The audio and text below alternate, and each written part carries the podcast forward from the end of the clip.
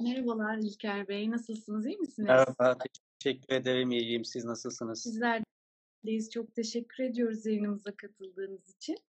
Ben teşekkür ederim. Herkese iyi akşamlar. Eee, çok kısa kendinizi tanıtmanızı rica edeceğiz annelerimize. Tabii, ben Doktor İlker Kahramanoğlu. Kadın hastalıkları ve doğum uzmanıyım. Aynı zamanda jinekolojik onkoloji cerrahisi uzmanıyım.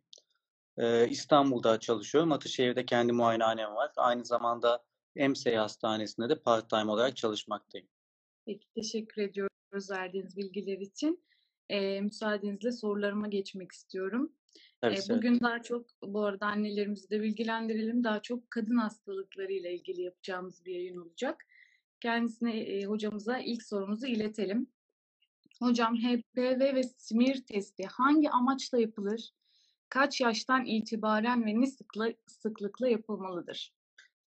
Evet, HPV ve smear testi rahim ağzı kanseri taraması için yapılan testlerdir. Ee, normalde bir insanda, bir kadında meme kanseri, kolon kanseri ve rahim ağzı kanseri taranabilir. Bu e, taramalarla kanseri erkenden saptamak, kansere gidebilecek bir lezyon saptamak ve henüz herhangi bir hastalık gelişmeden bunları tedavi etmek mümkündür.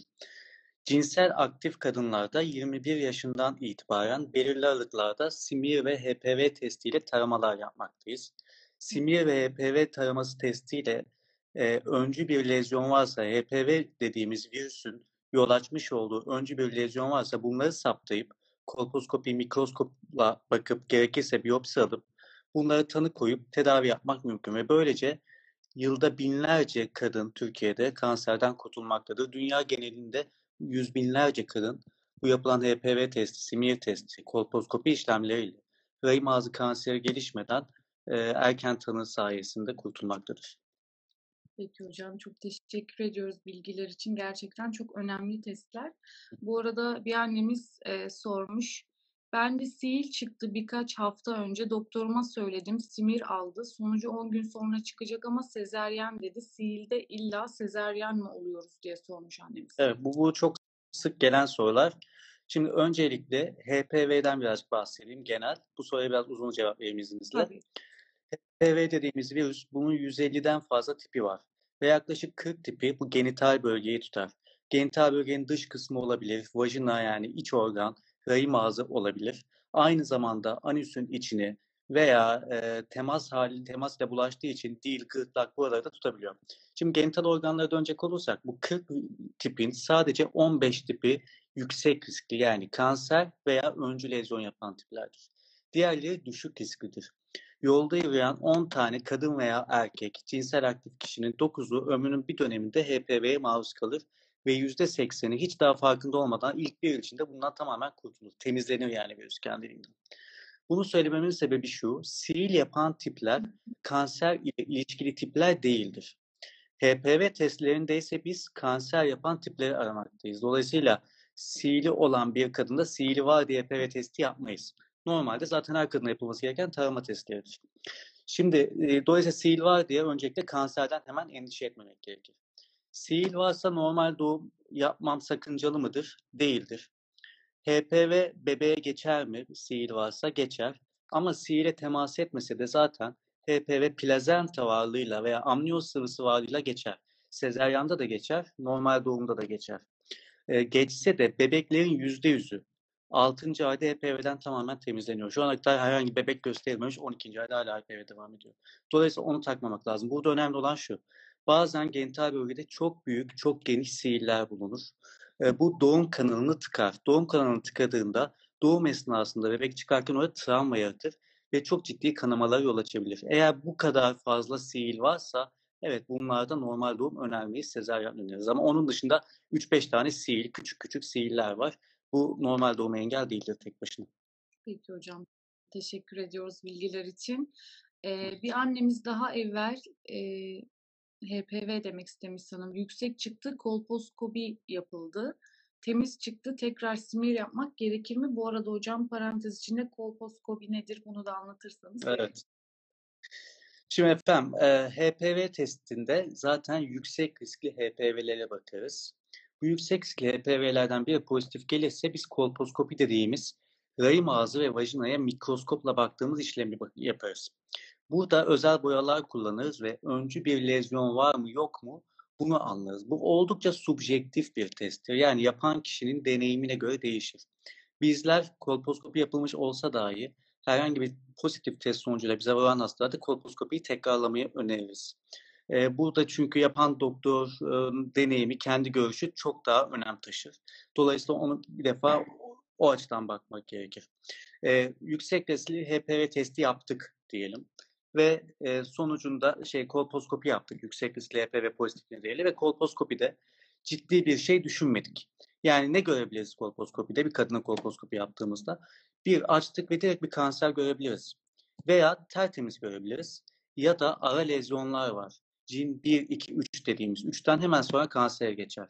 Biz zaten kolposkopi yaparken bu ara lezyonları ve kanser varlığına bakarız. Eğer ara lezyon düşünürsek veya kanser düşünürsek o zaman biyopsi alırız. Ama diyelim kolposkopi yaptık ve temiz geldi. Evet burada çok rahatız. İçimiz çok rahat. Kolposkopiyle bunu gördük. E, bundan sonra bir lezyon gelişecek olsa bile HPV kapıldıktan sonra bu onlarca yılı alır. Dolayısıyla çok rahatız ama tabii takipte kalacağız. Çünkü HPV bazen hızlı da ilerleyebilir. E, belli aralıklarla bu kadının özelliğine göre değişir ama ortalama bir yıl sonra simir ve HPV testi alırız. Sadece simir takipte tek başına yeterli değildir. Artık son 3 yıldır elimizdeki datalara ve e, dünyadaki ileri geliş ileri e, gelişmiş ülkelerin önerilerine dayanarak tek başına simir yapmıyoruz. HPV olmadan tarama ve takip olmaz. HPV testi kesin olur. Simir yanında olabilir, olmayabilir ama HPV testi muhakkak şart. Dolayısıyla o kadına HPV testi muhakkak yapmamız lazım. Peki hocam teşekkür ediyoruz. Bir annemiz HPV 18 normal doğuma engel midir diye sormuş. Hayır değildir. HPV pozitif olması veya dediğim gibi genital bölgesel sil bulunması HPV'nin varlığını gösteren bir şey. E, bunlar normal doğuma engel değildir. Normal doğuma ancak bu dış genital bölgeyi çok büyük kaplayan sihirler veya rahim ağzı kanseri varsa bunlar engeldir. Bunun dışında HPV'nin varlığı normal doğuma engel değildir. Peki hocam teşekkür ediyoruz. Ee, bir başka annemiz plasenta previa hakkında bilgi verebilir misiniz diye sormuş. Evet seve seve. Şimdi plazenta previa, yani normalde plazenta dediğimiz bebeğin eşi beslendiği organ e, rahimin herhangi bir bölgesinde olabilir. Bu çoğunlukla rahimin üst bölgesinde, ön tarafında olur. Bazen rahim ağzına oturabilir bu ve çıkışı tamamen kapatabilir. Bunlarda tabii bebek rahim ağzından çıkacağı için normal doğum mümkün değildir. Ve sancılar başladığında 37. hafta civarında yavaş yavaş açılmalar meydana gelebilir rahim ağzında. Bu açılma olduğunda açılan yer neresi? Plazenta. Yani plazantanın önü açılıyor ve dolayısıyla kanamalar başlayabiliyor. Bu bu açıdan önem arz eder. Yani kanama başladığında plazantadan bir kanama başlamış demektir. Bu önemli olabilir. Ama burada esas önemli olan şey şu. Artık sezaryen günümüzde çoğaldı. Çok fazla kadın sezaryen geçmişiyle yaşıyor. Bir sezaryanı olan veya daha tehlikesi iki ya da üç sezaryanı olan bir kadında bir sonraki gebeliğinde eğer plazanta previa varsa yani plazanta bu rahim ağzının ön kısmını kapatmışsa sadece ön kısmını kapatmakla kalmaz çoğu zaman. Aynı zamanda rahim duvarının içine girer. Ve hatta çoğu zaman rahim duvarını aşıp mesane yani idrar kesesinin içine veya yan dokulara girebilir. İşte bu durumda yapılacak olan sezaryanlarda bunu önceden fark edip bir, bu konuda kesinlikle deneyimli bir jinekolog onkologla girmek çok önemli. Çünkü günümüzde anne ölümlerinin en sık sebebi budur. Yani plazenta previa ve yapışık plazenta nedeniyle yapılan sezaryanla meydana gelen kanamalar anne ölümlerinin en önemli sebebidir. Ama bu aynı zamanda en önlenebilen en önemli sebebidir. De. Bunu önceden saptarız. Ben normalde kendi kliniğimde gebe takip eden birisi değilimdir ama tek istisnası budur. 32. haftadan sonra bu gebelerin takibine ben de girerim örnek olarak. Ve bunları ortalama 35-37 arasında bazen 38'e kadar uzatıp ona göre sezaryenler yapıyoruz. Çoğu zaman bunlarda rahimi korumak mümkündür. Ama bazı kanamayı önleyici tekniklerimiz vardır. Bunlar da işin bazı detayı. Peki hocam teşekkür ediyoruz bilgi için. Ee, yine bir annemiz HPV sili olan hamile cildiyeye gidip silini dondurmalı mı? Doktorum dondur dedi ama bazı cildiye doktorları gebeye bakmıyor. Ben silleri aldırayım mı diye sormuş. Evet. E, gebelikte sihirler artış gösterebilir. Gebelikte çünkü bağışıklık sistemin iki tipi vardır ve bir tipi düşüşe geçer. O düşüşe geçtiğinde yani bağışıklık sistemi, T hücresel bağışıklık sistemi baskılandığında sihir miktarı ve boyutlarında artma meydana gelebilir. Burada bunun kadına yol açtığı, o gebeye yol açtığı şikayet önemli. Çünkü eğer beklenebilirse gebelikten sonra bunlar gerileyecektir. Bu bir. Eğer tedavi olması gerekiyorsa bir iki ilaç dışında diğerleri gebelerde güvenle uygulanabilir. Krioterapide yani dermatologların yaptığı da bunlardan bir tanesidir. Ama sihir tedavisinde bence bir jinekoloğun veya bir jinekolog onkoloğun görmesi gebe olsun olmasın bence kıymetli. Sihir'in elimizde defalarca e, özür çok ta, çok fazla tedavi alternatifimiz var Sihir için. Burada Sihir'in tipi, hastanın özelliği, tekrarlaması, daha önce uygulanmış tedaviler önemli. Buna göre elimizdeki tedavi yöntemlerinden herhangi birini gebelerde de uygulayabiliriz. Dondurma işlemi uygulanabilir ya da lokal anesteziyle alınabilir veya asit uygulanabilir ama bu da sihirli tipi, dağılımı bunlar muhakkak çok önem taşır. Ama tedavi edilebilir tabii ki. Peki hocam teşekkür ediyoruz. Ee, ben bu arada kendi sorularımdan gitmek istiyorum biraz da. Ee, çikolata ve yumurtalık kistleri neden olur? Normal doğuma engel midir? Evet. Çikolata eksikleri çok sık gözüken sorunlardı. Buna endometrioma, endometriozis de halk arasında daha doğrusu tıbbi olarak öyle denir. Halk arasında çikolata kisti olarak söyleniyor. Buna böyle denmesinin sebebi içi çünkü sıcak çikolata kıvamında bir e, doku olması. Bu nedir? Rahim içerisindeki dokunun, buna benzer bir dokunun rahim dışarısında yer almasıdır. Yumurtalıklar yer aldığında, yer aldığında ve kist oluşturduğunda buna yumurtalık, e, çikolata kisti diyoruz. Ama bu daha çok yumurtalıktan ziyade rahimin altındaki liflerde, bağlarda yer alır ve bu lifler sinirin üzerinden geçerler. Dolayısıyla endometriozis hastalıkları çok sık kronik pelvik ağrıya yol açar. Endometriozis hastalığı. Bu neden gelişir? Bunun kesin bir cevabı yok. Çünkü elimizde sadece dört tane teori var. Yani kesin nedenini de bilmiyoruz. Ama en önemli teorilerden bir tanesi şu. Normalde adet yani menstruasyon nasıl oluşuyor?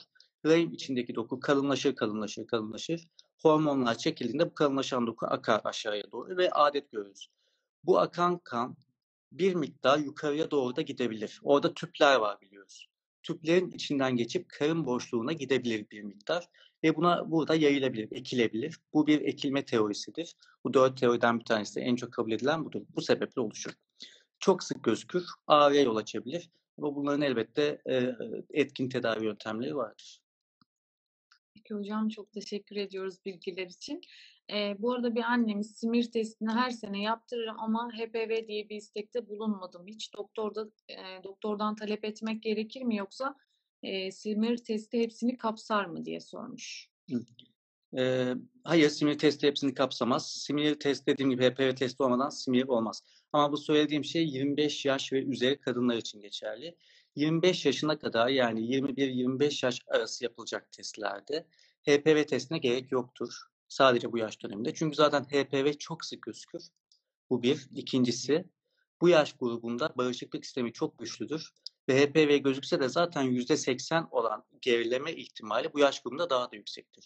Dolayısıyla diyelim pozitif geldi. Zaten hemen herkes de bu bir dönemde pozitifleşecek. E, bir de 21-25 yaş arası zaten çok genç ve sistemik hastalığı olmayan bir hastaysa zaten gerileyecektir. Önemsemeyiz ama 25 yaş üzerinde tek başına simir diye bir şey artık yok. HPV testi muhakkak olması gerekir. Onu söyleyeyim. Hocam, ee, soracak e, sevgili izleyicilerimiz için böyle sorularda yaş da belirtirlerse daha belki yardımcı olabilirim. Peki hocam. Teşekkür ederiz. Ee, bir annemiz lütfen görün mantar için ne önerirsiniz diye sormuş. E, şimdi vajinal kandidiyazis yani mantardan bahsediyor herhalde. Sanırım da kronik bir sorun. Çünkü eminim bu şikayetle hekime başvurmuştur e, izleyicimiz. E, şimdi eğer kronik bir kandidiyazis varsa yani tedavi oluyor, geçiyor ama tekrarlıyorsa bir altta yatan bir sebep var mı? Bunun araştırılması lazım. Altta yatan bir şeker hastalığı olabilir veya kişinin e, hayat tarzı değişikliği yapması gereken bazı durumlar olabilir. Mesela vajinanın yıkanması gibi. Özellikle ilişki sonrasında. E, vajinanın bir iç organ olduğunu hatırlamamız gerekir. Nasıl mideyi yıkamıyoruz? Vajinayı da içini yıkamamamız gerektiğini bilmemiz gerekir. çok sık e, günlük pet kullanıyorsak bunları kullanmamak gerekir. Ama eminim e, bu kadar sık akıntı oluyorsa e, hasta hekime başvurduğunda bu önerileri dinliyordur ve uyguluyordur. Buna rağmen yine de bu mantar sorunu tekrarlayabilir ve kronik bir durum alabilir. E, bu durumda sadece alttan kullanacak fitil tedavileri yeterli olmaz ve e, belli bir süre, uzun dönem, 3 aylık belki, e, belki daha da gidişata göre 6 ekler çıkabilir. Mantar ağızdan alınacak mantar tedavileri kullanmak gerekiyor. Ama burada hastayı muhakkak görmek ve ona göre kullanmak lazım, konuşmak lazım. Yani orada tedavi kişiselleştirilir. Peki hocam, teşekkür ediyoruz. Bu arada e, COVID-19 aşısını önerir misiniz diye çok soru gelmiş. Bizim de sorularımızın içinde de var zaten. Kanser hastalarına önerir misiniz diye soracaktık ama Hı. genel olarak e, hem hamile annelere e, önerir misiniz hem de kanser hastalarına önerir misiniz diye soralım. Evet. Şimdi hamile e, hamileler için, gebeler için konuşacak olursak gebelerde COVID aşısının herhangi bir olumsuz etkisi gösterilmemiş. Ama bizim e, genel olarak gebelerle ilgili kullanılacak ilaçlarda, özellikle yeni çıkan ilaçlarda e, şeyimiz şu, ikinci ve üçüncü trimesterda yani ikinci üç ay ve üçüncü üç ayda çok daha rahatız. İlk üç ayda ise yani 12. haftaya kadar biraz daha temkinli olma durumundayız. Ama yine de burada bile Dünya Sağlık Örgütü bunlar e, artık gebelerde COVID aşısı önerilmektedir. Güvenle yaptırabiliriz şu anki elimizdeki datalarla. Çünkü bir gebenin COVID geçirmesi çok daha tehlikeli. E, kanser hastaları için de şu var. E, burada COVID aşısının kanserin gidişatına bir olumsuz etkisi yok. Yani tedavi altında veya değil. Kanser geçirmiş veya hala tedavi almakta olan bir hasta aşı yaptırırsa bu kanserin gidişatını olumsuz etkilemez. O kesin.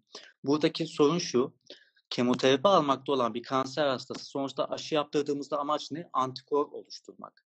Bu antikor bağışıklık sistemi sayesinde oluşuyor kemik iliklerine değil mi? Antikor oluşturuyoruz. Kemoterapi almakta olan bir kadın e, bağışıklık sistemi baskılanmıştır. Yeterince antikor oluşmayabilir. Buradaki tek kaygı budur.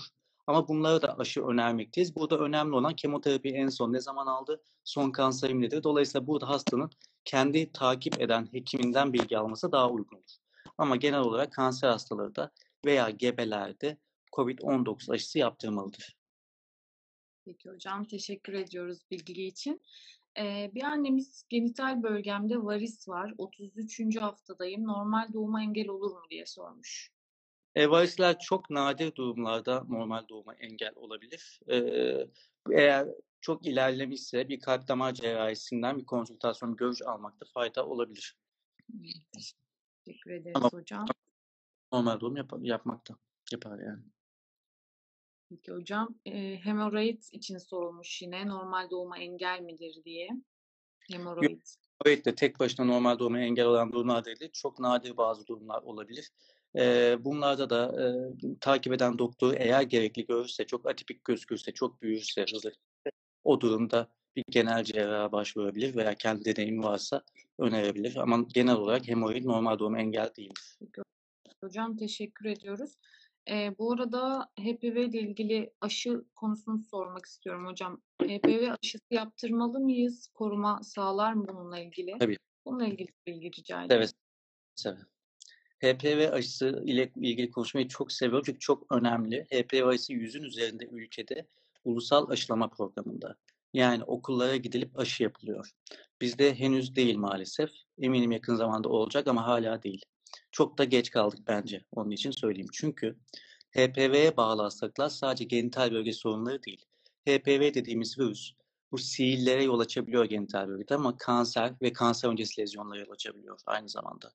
Bu e, oral seks olduysa dil, gırtlak gibi kanserlere, kanser öncesi lezyonlara veya bu bölgede siillere yol açabiliyor.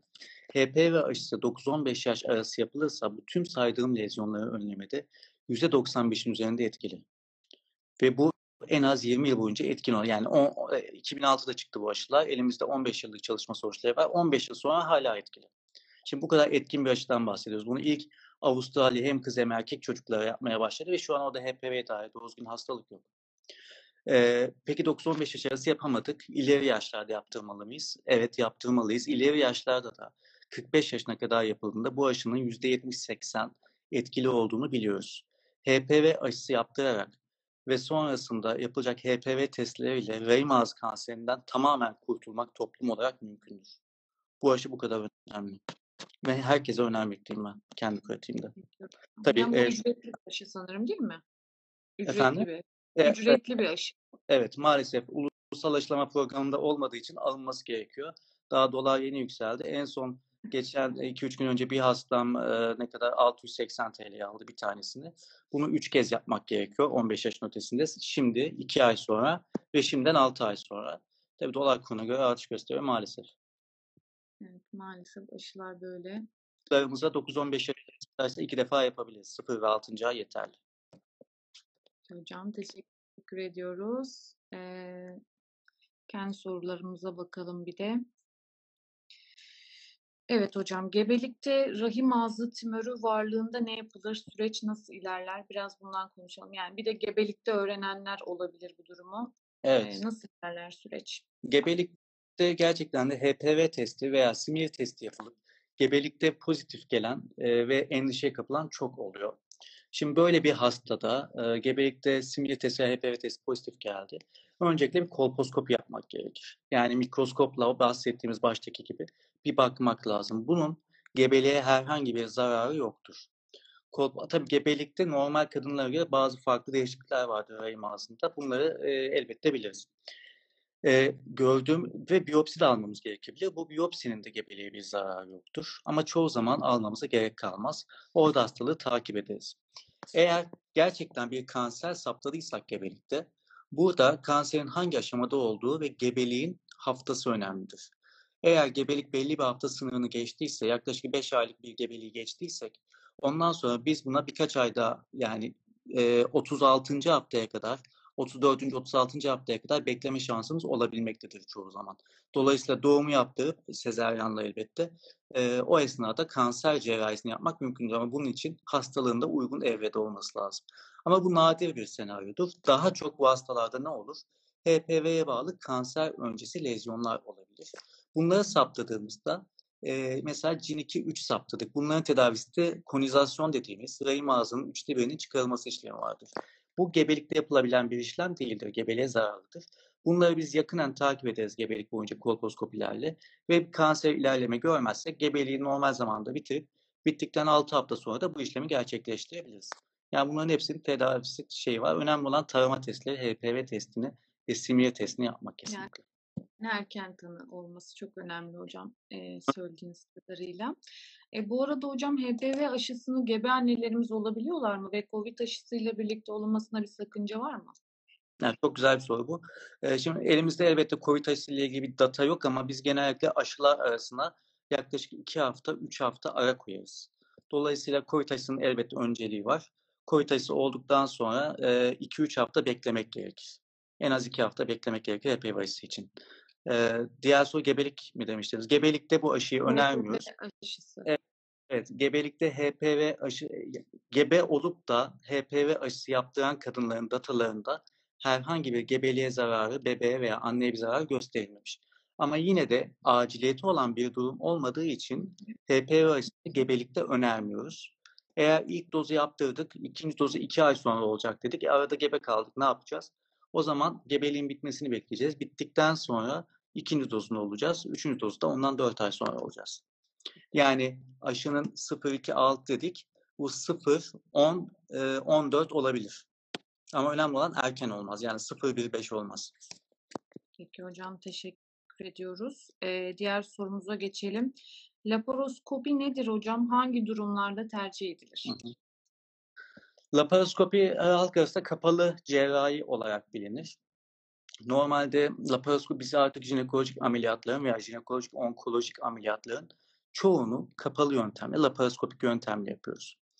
Ee, bunu işte miyom, yumurtalık kisti, dermoid kist, bahsettiğimiz çikolata kisti, endometriozis veya rahim kanseri, rahim ağzı kanseri, erken evre yumurtalık kanseri gibi durumlarda yapabiliyoruz. Laparoskopide ne yapıyoruz? Normalde eskiden e, çok büyük kesiler yapılırken dikine olabilir veya sezaryen gibi e, paralel olabilir. Laparoskopide göbeğin tam içerisinden 1 santimlik kesi ve yanlarda da 2 ya da 3 tane milimetrik kesilerle karın içerisine ulaşıyoruz. Açık ameliyatta ne yapıyorsak Kapalı ameliyatta da aynısını yaparız. Bu miyom ameliyatı da olabilir. Rahim alma ameliyatı da olabilir. Sadece miyom alma ameliyatı olabilir. Kist alma ameliyatı olabilir veya bir kanser ameliyatı olabilir. Eğer hekim laparoskopi konusunda deneyimliyse e, bu ameliyatların hepsini laparoskopik olarak gerçekleştirebilir. Uygun hastalarda elbette. Bu avantajı Yok. tabii. Yo, yo, devam edin Bunun avantajları önemlidir elbette laparoskopinin. Laparoskopi niye laparoskopi yapıyoruz? Sadece kozmetik avantajından değil. Elbette çok büyük kozmetik avantajı var. Çünkü en büyük kesisi 1 santim ve o da göbeğin içerisinde ve gözükmüyor hiç. Diğerleri de milimetrik küçücük. Diğerinde ise kocaman kesiler var. Ha, Kozmetik avantajından çok burada önemli olan bu hastalar 4 saat sonra ayağa kalkabilir. Hemen bir şeyler yiyip içmeye başlayabilir. Hemen yürüyebilirler. Daha az ağrı olur. Ameliyat sonrası daha konforlu geçer. Ameliyattan birkaç saat sonra evlerine gidebilirler. Hemen çalışmaya başlayabilirler. Açık ameliyatta e, biraz daha belki onlara çok ağır olmaz ama e, taburculuk bir ya da iki gün daha geç olur e, gibi avantajlı. Teşekkür ediyoruz bilgiler için. Ee, bir annemiz bel fıtığı normal doğuma engel olur mu diye sormuş. E, bazı durumlarda olabilir e, ama bunun için onun derecesini görmek lazım. Bazı e, çoğu zaman bel fıtığı alan hastaların bir büyük çoğunluğu normal doğum yapabilir. Çok nadir durumlar dışında çok ilerlemişse bası varsa e, bazı durumlar riskli olabilir. Bu durumda beyin cerrahlarından veya deneyimli ortopedistlerden yardım alırız, bir konsültasyon alırız. Peki hocam teşekkür ederiz. Bir annemiz yurt dışında çoğu ülkede hamilelikte COVID-19 aşısı yasak. BioNTech ve Sinovac'ın prospektüsünde de hamilelere kesinlikle yapılmaması gerektiği yazıyor diye soru işareti koymuş hocam. Bu doğru mu?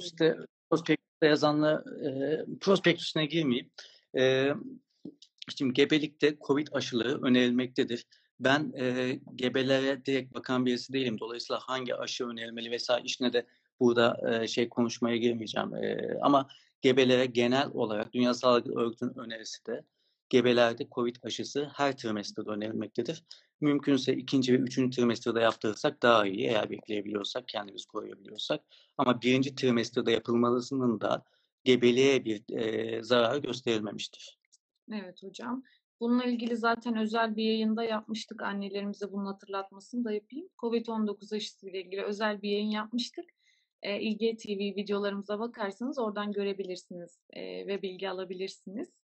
Diğer bir sorumuz var hocam. 10 santim miyomum var. Sürekli su içmem söylendi. Bu ara mesanemde hafif düzeyde sıkışma, e, hafif nadir sancılar hissediyorum. İdrar yolları enfeksiyonu olabilir mi? diye sormuş.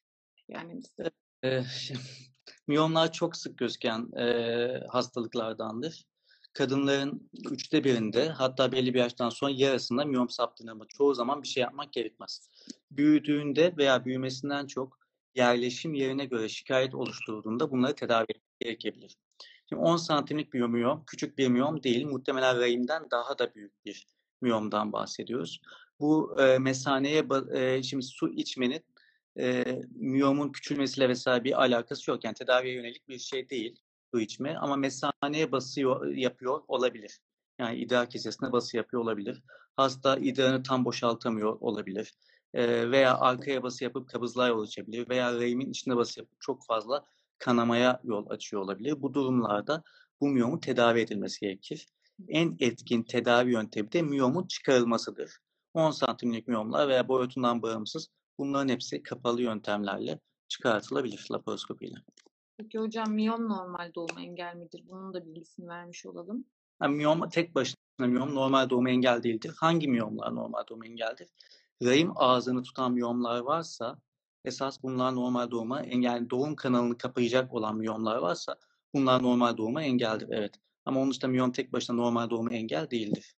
Ama şu var, e, sezaryen esnasında bu bazen e, gebelikte büyük miyomlar saptırırız ve bazen gebelikte miyomlar dejenere olabilir. Yani şekil değiştirebilir ve gebelikte bazen ağrılar yol açabilirler. Gebelikte hatta bu yüzden miyom ameliyatı yaptığımız hastalar olabilir. Bu parantez. Ama e, sezaryen esnasında miyom alma işlemi planlanabiliyor. E, bunu da bilmek gerekir. Peki hocam teşekkür ederim. Ee, evet. Bir annemiz geçmeyen vajinal mantarım var. Bir türlü geçmiyor. 5 yıldır var. Ne yapmam lazım? Lütfen cevaplayın demiş. Evet, bunu e, benzer bir soruda da belirttiğim gibi bir e, hayat tarzı değişikliklerini eğer yaptıysak, mantara yol açacak, mantar predispozisyonu yapan e, bazı durumları ekarte ettiysek, işte vajinal yıkama gibi, e, altta yatan bir şeker hastalığı olup olmaması gibi veya bazı immün sistem bozuklukları vardır.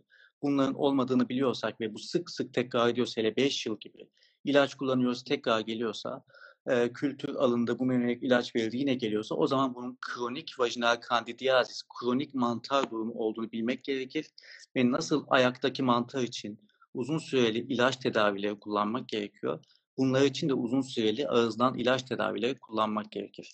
E, biliyorum çok hayata e, hayat kalitesini bozan bir şeydir. Ama inanın etkin tedavi yolları vardır. Ama tabii biraz uzun sürer. Peki teşekkür ederiz hocam. Ee, HPV'ye bağlı lezyonlar nelerdir hocam ve tedavi olunursa tekrar eder mi? Yani iyileşmesine rağmen tekrar eder mi bunlar? Evet. Şimdi HPV'ye bağlı oluşan lezyonlar genital bölgede bir e, düşük riskli HPV dediğimiz kansere yol açma ihtimali olmayan HPV tipleri genital sihirler yapabilir. Bunlar en sık HPV'ye bağlı gördüğümüz en sık lezyonlardır. Bunlar dış genital bölgede olabilir. Vajinanın içinde veya rahim ağzında olabilir veya anüsün çevresinde olabilir. Bunları tedavi edebiliyoruz elbette. Birçok tedavi alternatifi var ama tedavi etsek de biz HPV'nin yol açtığı hastalığı tedavi ediyoruz. Virüsü tedavi edecek bir yöntemimiz yok. Yani bir ilaç kullanayım, HPV geçsin. Böyle bir ilacımız maalesef yok. Ama HPV'nin yol açtığı işte sil gibi lezyonları tedavi edebiliriz. Veya yüksek riskli yani kanser yapma ihtimali yüksek HPV tiplerinin yol açmış olduğu kanser öncesi lezyonları veya kanserleri tedavi edebiliyoruz. Ama bunlar da virüs tedavi etmez. Dolayısıyla HPV'ye bağlı oluşan hastalıkları tedavi etsek de virüs temizlenmez. Tekrar bu lezyonların oluşma ihtimali, gelme ihtimali belli bir oranda az da olsa vardır.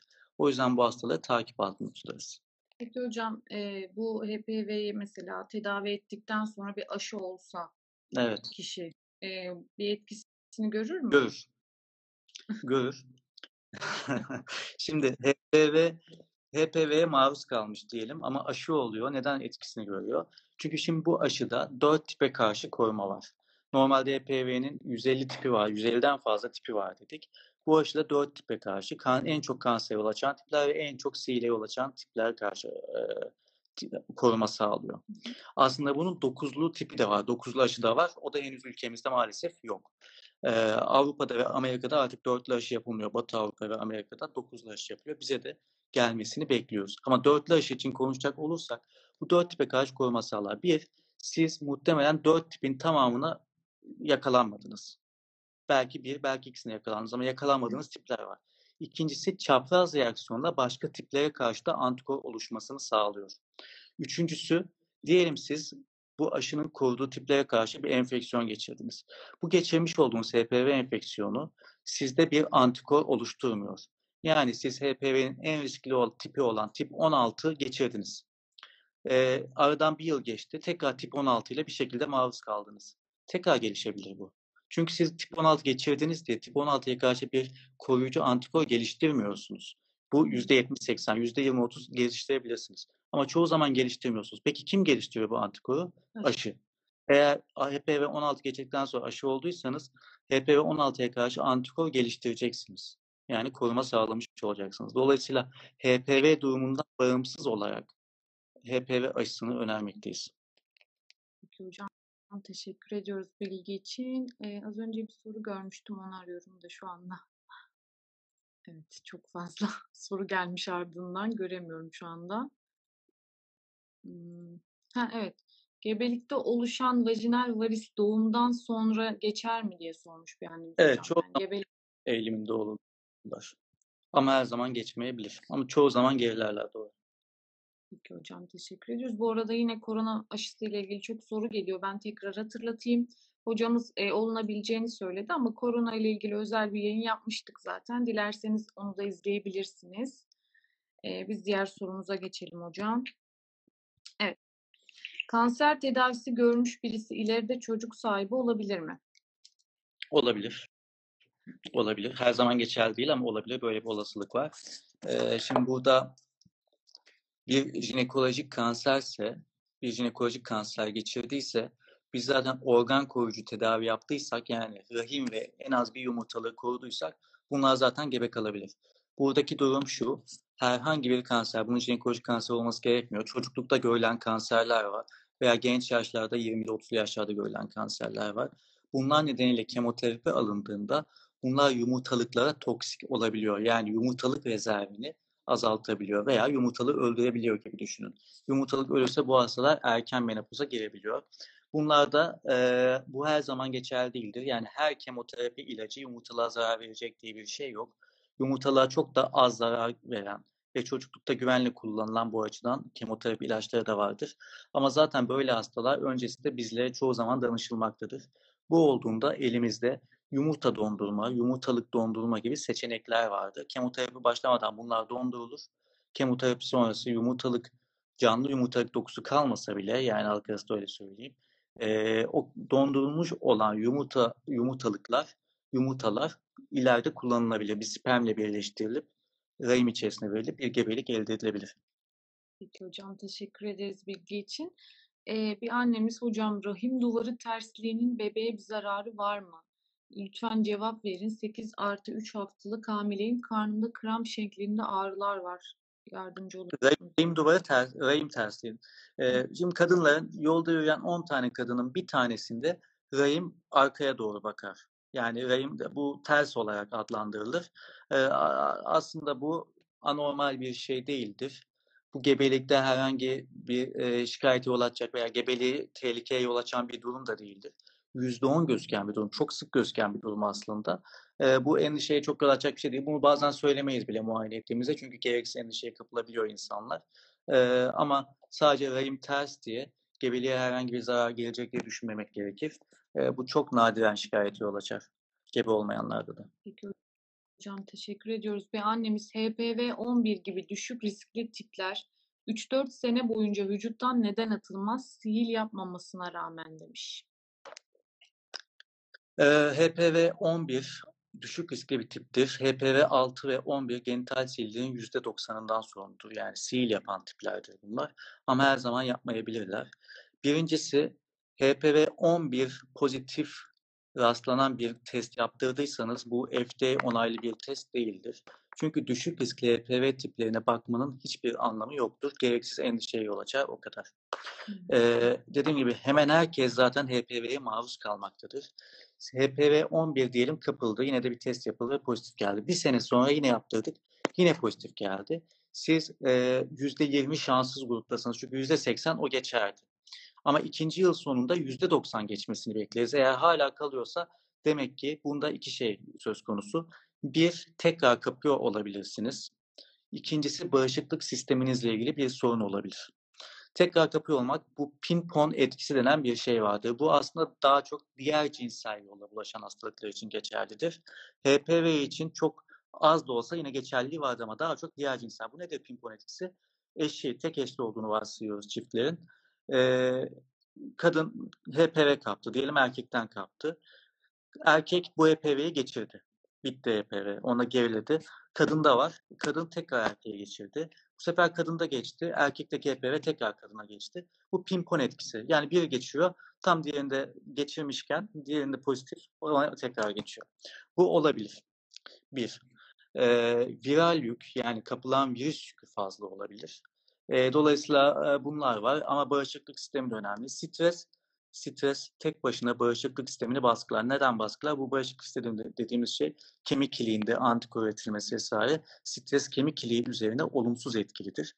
E, bu HPV pozitiflikleri işte HPV 11 yakalandı, stres yol açıyor. Bunlar gereksiz yere stres yol açıyor ve kemik iliğine baskı yapıyor. Bunlar da e, aynı zamanda başka bir etken. Bunu da bilelim. Hocam teşekkür ediyoruz. Ee, bir annemiz soru sormuş. Ee, İlker hocam ben Hakan Karagöz'ün meme kanser hastasıyım. Kemoterapilerim bitti. Şu an sadece kontrollerim oluyor. Hocam kesinlikle çocuk konusunu önermiyor. Nüksetme konusunda sizin düşünceniz nedir diye sormuş. Evet.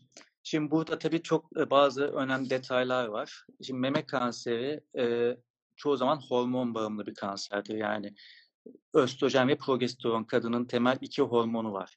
Meme kanserini tetikleyen hormonlardır bunlar. Ama ondaki meme kanseri acaba hormon pozitif mi? Yani o hormonlara rutin olarak bakılır dokuda. Acaba onunkisi pozitif mi? E, gebelikte, gebelik meme kanseri geçenlerde önerilmez genel olarak istisnalar dışında. Niçin önerilmez? Çünkü gebelikte progesteron ve östrojen hormonu seviyeleri normalin binlerce kat üstüne çıkar. Şimdi meme kanseri geçirilmiş bir hastada kansere predispozisyon oluşturan, kanser riskini arttıran bir hormonun binlerce kat arttırdığını düşünün. Ki biz bir kadında meme kanseri geçirdiyse doğum kontrol hapının üçte biri dozunu içeren hormon replasman tedavilerini vermeyiz. Siz düşünün bu binlerce kat arttıran bir duruma sokuyorsunuz hastayı. Bu açıdan risk oluşturmaktadır. Ama bazı durumlarda erken eve işte bazı detaylar vardır. Hormon reseptör durumu gibi. E, gebelik elde ettirebiliyoruz. E, ama bu riskleri tabii hastaya anlatıyoruz öncelikle. Ona göre devam ediyoruz. Ama genel olarak meme kanseri hastasında bu riske sokmayı kimse istemez tabii. Hocam teşekkür ediyoruz bilgi için. Bu arada az önce bahsettiğiniz e, pimpon etkisi vardı. Bununla ilgili bir soru gelmiş hocam. Yüksek riskli HPV çıktı. Eşler arası korunmalı mıyız diye sormuş biz. Yok bu pimpon etkisi olabilir diye eşler arası korunma öyle bir şey önermeyiz. Ee, ki korunma dediğimiz şey tabii prezervatiften bahsediliyor. Çünkü prezervatif bir miktar HPV'nin geçişini engelleyebilir. Ama bu HPV temas ile geçer. Tamamen teması engelleyecek bir korunma yöntemi yok. Ancak kadın ve erkek tamamen tüm vücudu böyle bir elastik şeyden geçirmek lazım. O da mümkün değil. Ee, evet tek eşlilerde kesinlikle bir korunma önermiyoruz. Yani çok eşlilerde bir miktar koruma sağlayabilir.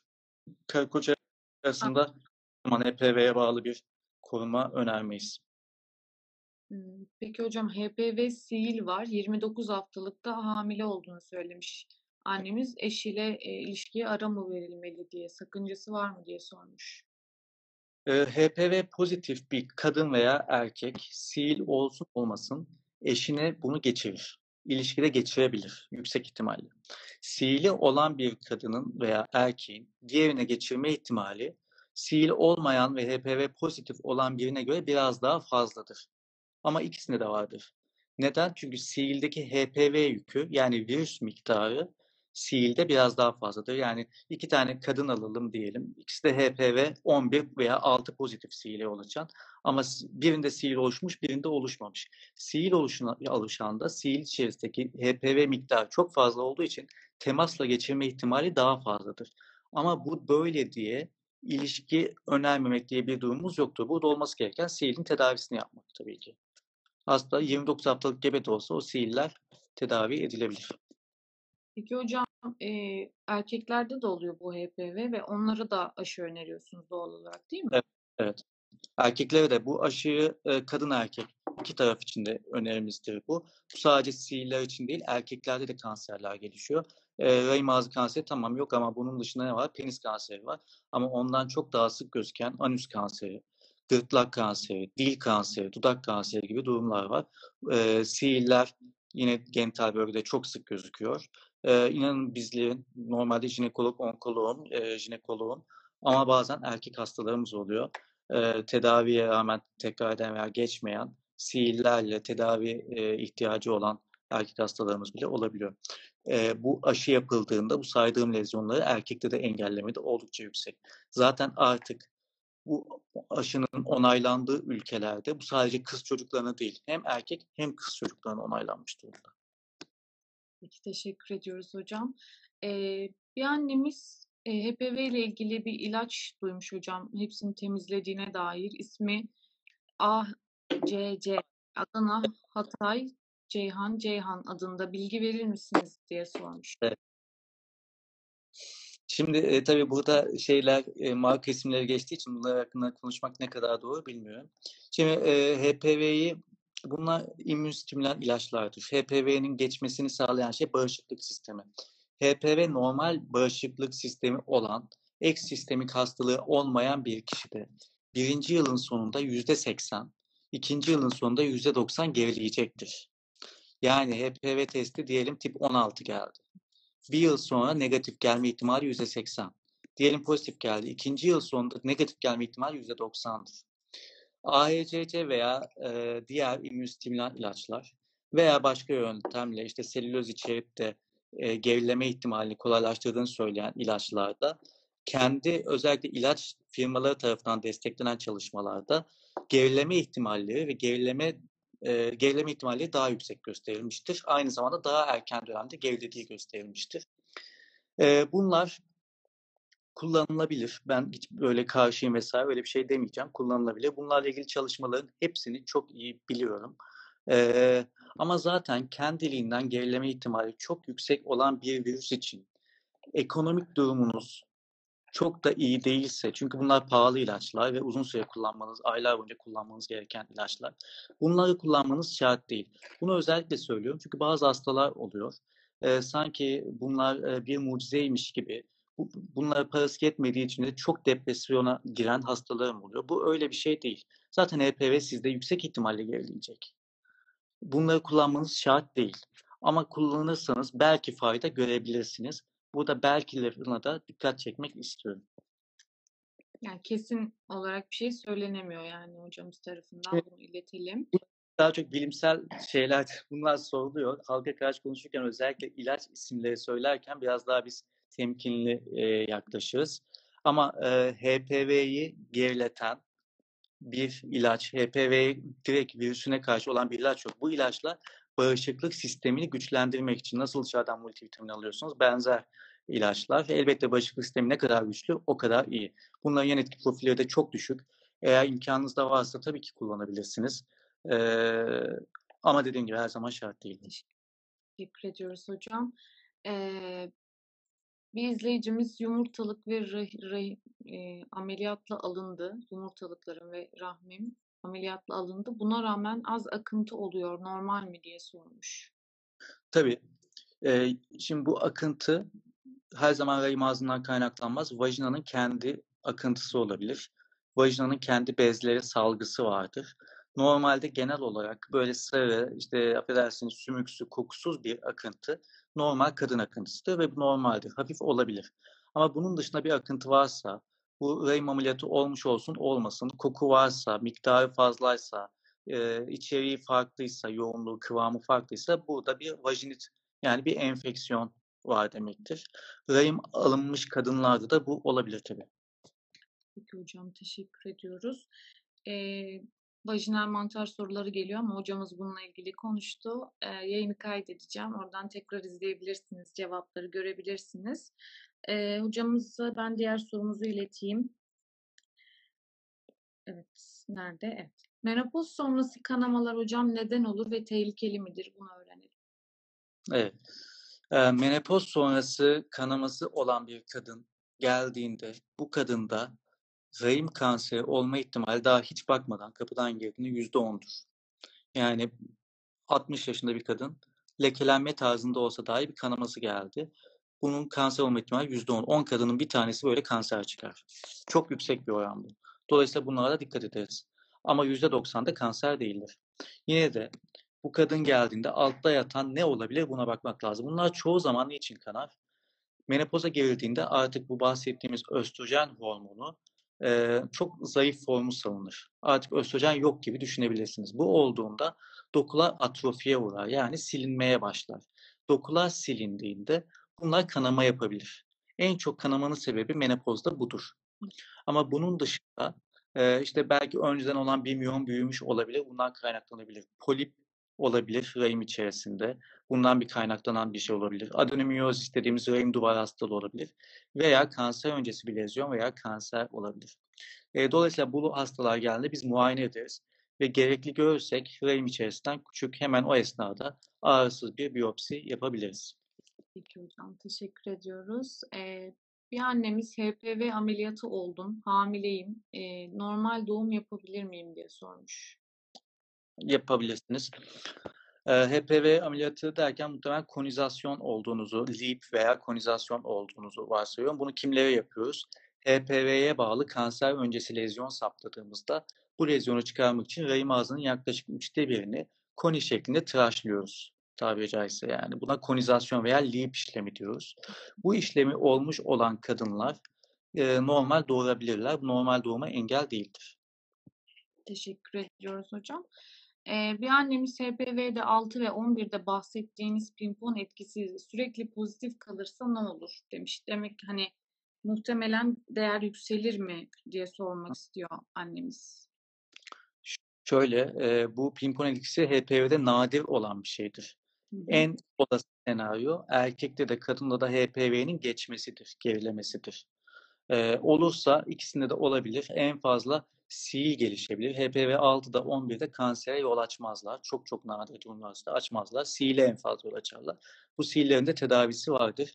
Ama HPV 6 ya da 11 kapılmış olsa da en büyük senaryoda ikisinde de bir şey olmadan ikisi de bir dönemde gerileyecektir. Yani böyle 3 yıl 5 yıl ikisi de pozitif kalacak öyle bir durum yok.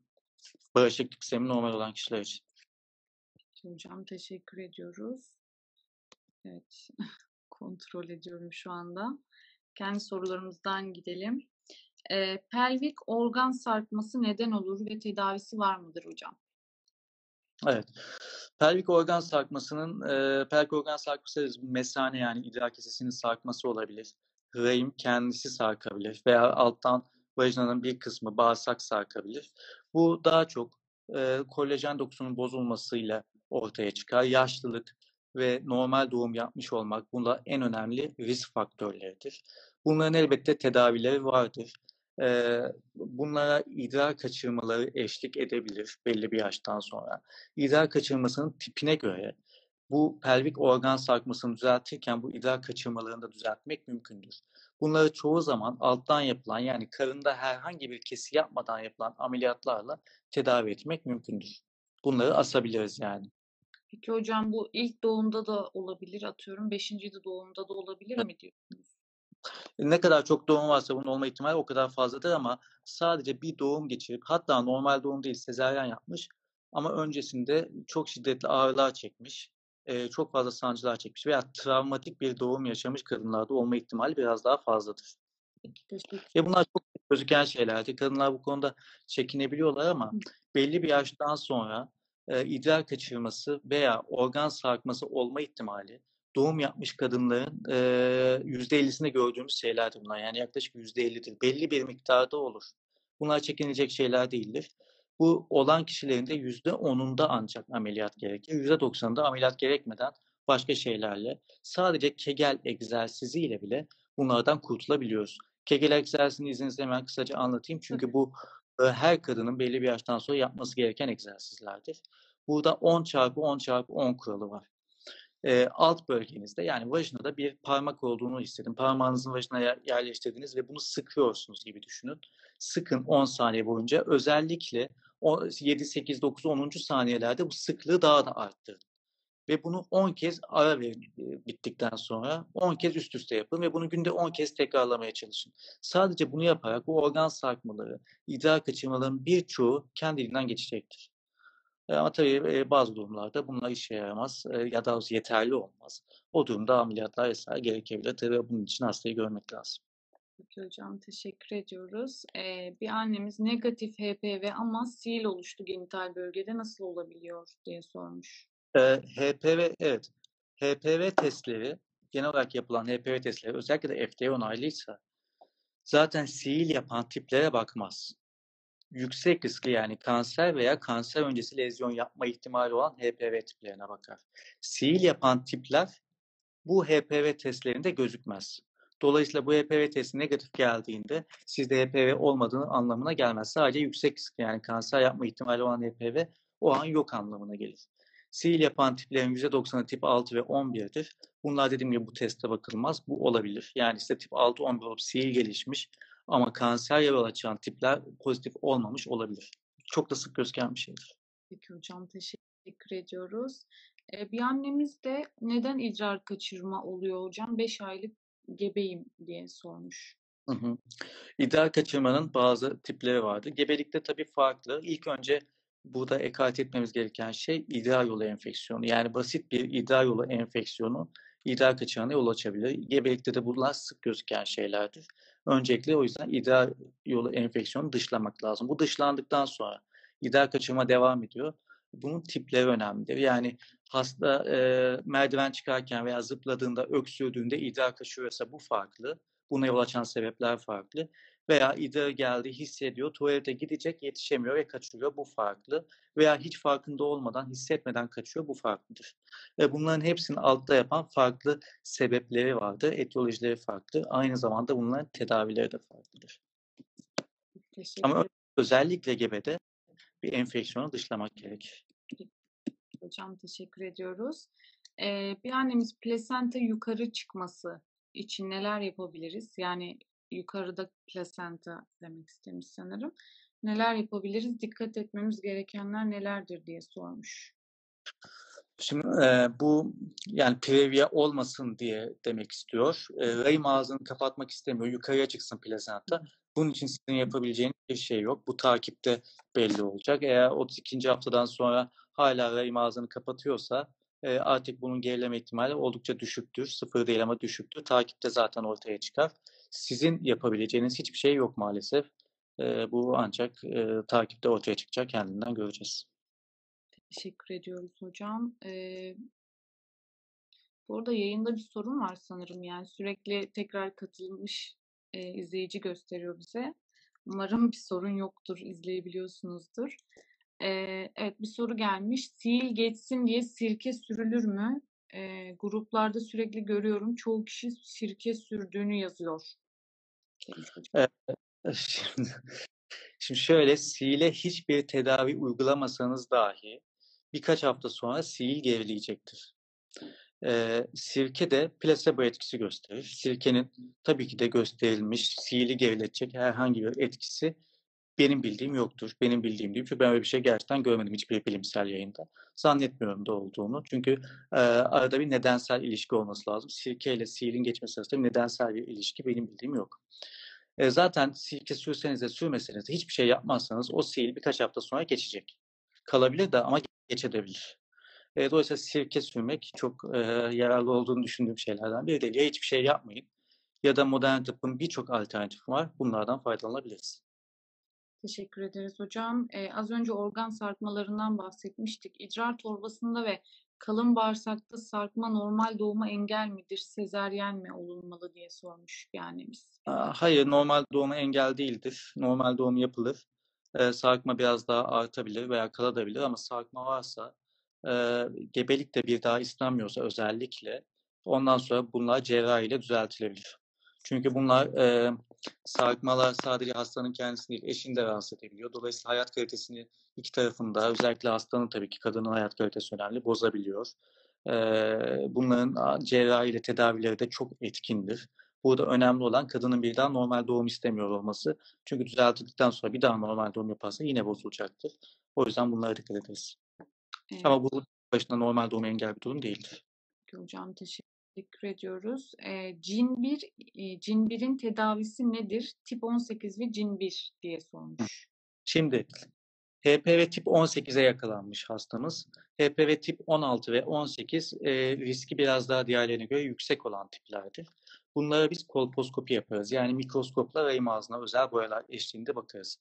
Burada mikro, bu kolposkopinin subjektif olduğu ve yapan kişiye göre değiştiği çok önemli bir defa kolposkopiyi kendim yaptığımı veya bizlerin yaptığını varsayarak konuşuyorum. Tip 18 olan bir hastaya kolposkopi yaptık ve bir biyopsi aldık. Bu biyopsi CIN1 geldiyse CIN1'in genel olarak gerileme ihtimali %70-80'dir. Dolayısıyla hiçbir şey yapmayız. Eğer ilk defa bu hastaya CIN1 tanısı koysak hiçbir şey yapmayız. Bunu ne yaparız? Takip ederiz takiplerde simir ve HPV testleri kullanırız. Eğer geçerse yıllık takip alırız. Belli aralıklarla yaptığımız testler negatif gelirse yıllık takip alırız. Ama eğer bu biyopside cin 2 ve 3 yakalasaydık o durumda bunların gerileme ihtimali daha düşük. %40, %10 gibi cin 2 ve 3'te. Kanser ilerleme ihtimalleri daha yüksek olduğu için burada LEAP veya konizasyon dediğimiz bu lezyonların çıkarılma işlemlerini gerçekleştiririz. Ama bu cin 1'de gerekli değil. Çünkü cin 1 %70-80 geriler.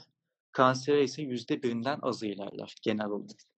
Bu hastanın yaşına göre, daha önceki HPV durumuna göre değişir tabii. Evet. E, hocam annemiz ben yaptırdım kolposkopi. Cin bir geldi ve bana Defline kullanmaya e, başladım. İşe yarar mı diye sormuş bir annemiz. Defline yine bir marka. Yani evet bunları bence e, iyi, iyi olacak. Çok doğru değil bence özel markalardan burada bahsetmek. İlaç, ilaç, özel ilaç markalarında zaten birkaç tane var bunlardan. Ee, bunlardan çok konuşmak bence e, doğru değil. Ben bunları özel kendi hastalarıma elbette ki anlatıyorum. Önerdiğim de olabiliyor. Bazı durumlarda kullanmalarını da söylediğim oluyor. Ama e, hekiminizin söylediği şekilde davranmasını her zaman öneririm ben hastamıza. Hocam teşekkür ediyoruz. Ee, diğer bir sorumuz kadın hastalıklarında başarılı bir tedavi için önemli faktörler nelerdir? Biraz bunlardan bahsedelim hocam. Şimdi jinekolojide e, genel olarak zaten bizim hastalıklarımız neler? En çok gördüğümüz kadınlarda miyom veya yumurtalık kisti e, veya kanserler veya sarkmalar, idrar kaçırmaları. E, ben kendim gibi açımdan örnek verecek olursam ben yaklaşık 5 yıldır e, gebe prevyalar dışında gebe görmüyorum. Previa perkrataya yapışık plazantalar dışında. E, sadece jinekolojik kanserler ve jinekolojik hastalıkların tedavileriyle ve cerrahileriyle ilgileniyorum. Her alanda ne kadar çok uzmanlaşırsanız, ne kadar yandallaşırsanız bu o kadar önemlidir. Bu bir. İkincisi e, gerçekten bir ameliyat önerdiğiniz hastanın ameliyatı gerçekten e, hak ediyor olması lazım. Ve bu ameliyat eğer mümkünse laparoskopik veya robotik yani kapalı yöntemlerle yapılıyor olması lazım. Yapılıyor olması için de bunu yapacak olan hekimin bu alanda deneyimli, yeterli eğitimleri, gerekli eğitimleri almış olması lazım. Ve bu hem kendi özel hayatımda da, kendi pratiğimde de önemsediğim şeylerden biri budur. Bence bir hekim, yani e, bunu nasıl söyleyeyim, yurt dışına gidip farklı klinikler görmüş olmak, oralarda belli bir süre birkaç ay çalışmış olmak, birkaç ay bile, birkaç hafta bile çalışmış olmak çok önemlidir. E, farklı yöntemler görmüş olmak, e, farklı bölgelerde neler yapılıyor, farklı kıtalarda neler yapılıyor bunları bilmek oldukça önemlidir. Jinekolojik hastalıklarda tedavi önerirken e, farklı hastalıklar, farklı yöntemler olduğunu bilmek gerekir. Mesela çok e, geçen hafta uyguladığım bir ameliyatı e, söyleyeyim vaktimiz varsa. Tabii. Daha 10 yaşında bir kız. Çok nadir bir genetik hastalık. E, rahim ve vajina yok. Doğuştan yok. Yumurtalıklar var. Ama doğuştan rahim ve vajina yok. Yani o bölge tamamen kapalı. E, ama 46 XX kromozomu. Yani bir kadın. Ama e, rahim yok. Ya nakil gerekir rahim nakli çocuk olması için ya da e, taşıyıcı anne olabilir. Vajinası yok. ilişkiye giremez. Şimdi bu kadına vajina yapmak gerekir ve biz bu kadına laparoskopik yöntemle vajina yaptık yaklaşık bir saat süren bir ameliyat ve bir hafta yatırarak yaklaşık 10 santim vajinaya ulaştık. Ve şu an bu kadın e, zaten evlilik de planladığı için böyle bir şey yaptık bu dönemde. Çünkü daha bekleyebilirdik. Ama ilişki planlıyor, evlilik planlıyor. Dolayısıyla bunu gerçekleştirebildik. Bu çok çok nadir yapılan bir şeydi ve yakın zamanda da yayınlayacağız. Hem videosunu hem de bilimsel ortamda yayınlayacağız. Ee, buna ileride mesela rahim nakli, bunu da gerçekleştirebiliriz. Ee, bu farklı tedavi seçeneklerinin olduğunu bilmek gerekir. E, genel olarak bunları söyleyebilirim. Peki hocam çok teşekkür ediyoruz. E, bu arada yayınımızın sonuna geliyoruz. Eğer sormak istediğiniz hocamıza sorular varsa şu an iletebilirsiniz. E, Aksel'de yayını sonlandıracağım. Evet. Hocam sanırım canlı yayında da bir sorun var ama ben anlayamadım bunu tam olarak. Ee, evet. Her şey normal gözüküyor ama bilmiyorum orada.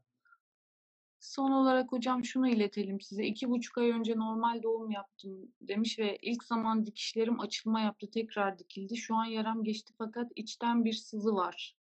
Nedendir acaba diye sormuş. Bununla ilgili bir bilgi verebilir misiniz? Her ameliyat sonrasında belli bir e, ameliyatta keserken dokuları orada sinirler vardı. Bazı sinirlerin kesilmesi gerekebilir. E, bu sinirler kesildiğinde ameliyat sonrasında birkaç ay süren bu tarz ağrılar olabilir bazı durumlarda. Hastamızda böyle bir şey yaşıyor. Buna bağlı gelişen ağrılar zaman içerisinde gerileme eğilimi gösterir. O yüzden e, biraz sabretmekten başka bir çare yok. Eğer hayat kalitesini çok bozuyorsa e, buna karşı kullanılabilecek ilaçlar var. Sadece ağrı kesiciler değil. Özellikle algologların yani ağrı ile ilgilenen doktor arkadaşlarımızın, meslektaşlarımızın yazdığı bazı ilaçlar var. Bunları geçirebilir. Ama henüz daha 2-2,5 ay olmuş ve dayanılabilecek bir seviyede ise hastamızın yavaş beklemesini ve bu ağrıların yavaşça azaldığını görmesini ben e, tavsiye ederim. Ona. Peki hocam teşekkür ediyoruz. Son sorumuzu da alalım ve e, yayınımızı kapatalım. Kolposkopi cin bir tanısında simir için tekrar bekleme süresi nedir diye sormuş. Tekrar simir testi için. 6 ay. 6 aydır. Eee, burada hekimin yapmış olduğu kolposkopinin güven kendince güvenilirliği önemlidir. Bazen o yüzden daha erkene çağıran hekim arkadaşlarımız da olabilir. Ama genel bilgi kolposkopi yaptık, biyopsi yaptık. Eee, bu simya ve PV testiyle uyumlu olarak da cimri geldiyse 6 ay sonra yaparız. Negatifse bir 6 ay sonra tekrar yaparız. O da negatifse yıllar geçeriz. Peki hocam, çok teşekkür ediyoruz yayınımıza katıldığınız için. Eee, çok faydalı bir yayın olduğunu düşünüyorum kendi adıma. Eee, söylemek istediğiniz bir şey var mıdır son olarak? Yok, bence çok güzel şeyler konuştuk. Gayet de güzel sorular vardı. Çok teşekkür ediyorum sizin güzel yönetiminiz Biz için de. Sağ olun. biz teşekkür ediyoruz hocam. Canımız annelerimize de iyi akşamlar diliyoruz. Hoşça kalın diyoruz. İyi akşamlar.